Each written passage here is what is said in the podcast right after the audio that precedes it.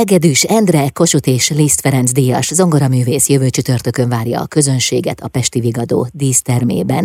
A vonalban Hegedűs Endre, üdvözlöm, jó napot kívánok! Kezi csókolom, én is szeretettel üdvözlöm a rádiót, hallgatókat, és mindjárt hozzáteszem, hogy dehogy is egyedül várom. Hát ott lesz velem drága feleségem, és ott lesz velem egy másik házas pár kedves hát barátaink, akik zongoraművészek, és az első részben én a szóló darabjaink közül választottam két szívemnek igen kedveset. Az egyik egy hatalmas, nagy, vagy félórás mű, Schumann karneválja, Opus 9, azért kell az Opus szám, mert van egy másik karneválja is Schumannnak, amelyik a persze a Bécsi karnevál nevet viseli, de azért így különítsük el, hogy ezt sokkal jobban ismerik, szeretik. Hát egy elképesztően fantáziadús és fantasztikus mű. A második darabon pedig Liszt első Mephisto keringője legyen. Hát ugye ez egy nagy bravúr darab, legalábbis a fiatal zongoristák ugye egy bizonyos etűd mennyiség és tanulmányi idő elteltével rávetik magukat erre a darabra, ugye, mint fiatal oroszlánok, és megpróbálják minél gyorsabban, hibátlanul és hangosabban játszani. Na most hát ezen én is átestem annak idején, mi több, hát én versenyeket nyertem ezzel a darabbal fiatal koromban, de hát ennek a lelkiséget sokkal fontosabbnak tartom, hogy Liszt el akarja mondani azt, hogy micsoda hatalma van az ördögnek az esendő ember felett.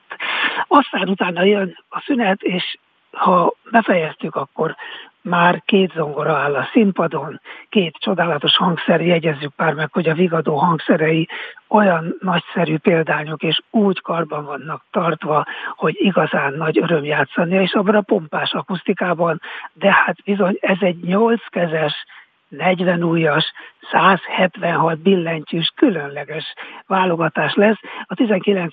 század második felében, meg a 20. első részében nagyon divat volt, nem csak az egyzongorázás, volt sok olyan polgári ház, ahol megengedhették maguknak azt, hogy vagy ott volt a két zongora, vagy pedig oda vitték valamilyen formában, hogy lehessen játszani a népszerű zenekari műveknek a jól sikerült átiratait. Na hát ezt kihangsúlyozom, van jó átirat, meg rossz átirat. Hát mi gondosan válogatunk fiatal barátainkkal, Baráz Ádám zongoraművésszel és feleségével, Baráz Alisa zongoraművésznővel, aki japán egyébként, japán születésű, de most már itt él Magyarországon, sőt nem régen született egy Leo nevű babájuk, ami csak azért aranyos, mert ugye Leo név az van magyarul is, tehát Weiner Leo például a híres zeneszerző, és Japánban is létezik, mint fiú, mondjuk így adott név.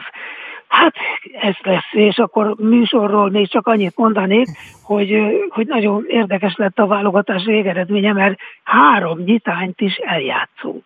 Na de kérem szépen, hát az első a Szent István nyitány Beethoven-től, hát mikor lehet ezt hallani? Koncerttermekben nagyon-nagyon ritka hangzik föl, pedig egy csodálatos zene, és Beethoven erejében és elemében volt. A rengeteg dolgok közt többször megígérte, hogy, hogy megcsinálja ugye a nyitányt és a kísérőzenét, de aztán utána egyszer elfogta a lelkismert fordulás, hogy most már nem várhatom bajuszos barátaimat, mondta, hanem megírom ezt a nyitányt, és pompásra sikerült. Aztán utána jön Szenszans haláltánca, na ez a kakuktojás, hiszen ez nem nyitány, hanem egy, egy pompás zenekari mű, aminek az átiratát játszok. Hát kérem szépen, én csak annyit mondanék, hogy ez a haláltáncok között talán a legvidámabb haláltánc, ha lehet ilyet mondani, azzal együtt, hogy időnként azért borsózik az ember háta egy tüneményes, körülbelül 8 perces mű. Követi Mendelssohn Hebridák nyitánynak a két zongorás nyolckezes letétje, hát kérem szépen, ami gyönyörűség van Mendelssohn lelkében, azt mind beleírta ebben az egyébként vad skóciai vidéket, eh, hogy mondjam, csak bemutató visszaemlékezésben, ha mondhatjuk, hiszen ő bejárta ezt a vidéket, turista úton, turistaként, és hát ez, ez eh, időnként eh, hangos például kürt szignálokat lehet hallani a távolból, mint hogyha a kietlen Kopár hegy oldalakon visszhangozna a harci jel, vagy ahogy jönnek a lovagok, ugye, és üzennek egymásnak messziről, hát nagyon nagy kedvencünk. A végén pedig lesz Brahms akadémiai ünnepi nyitány. Hát ez pedig megint egy nagyon aranyosság, mert Brahmsot az egyik németországi egyetem választotta díszdoktornak. Hát Brahms gondolta, jó, jó, hát majd én nem megyek el, de majd küldök nekik egy levelet. Aztán Brahms barátja mondta neki, hogy hát ide figyelj János, Johannes, nem lesz ez így jó, inkább írjál már valami szépet.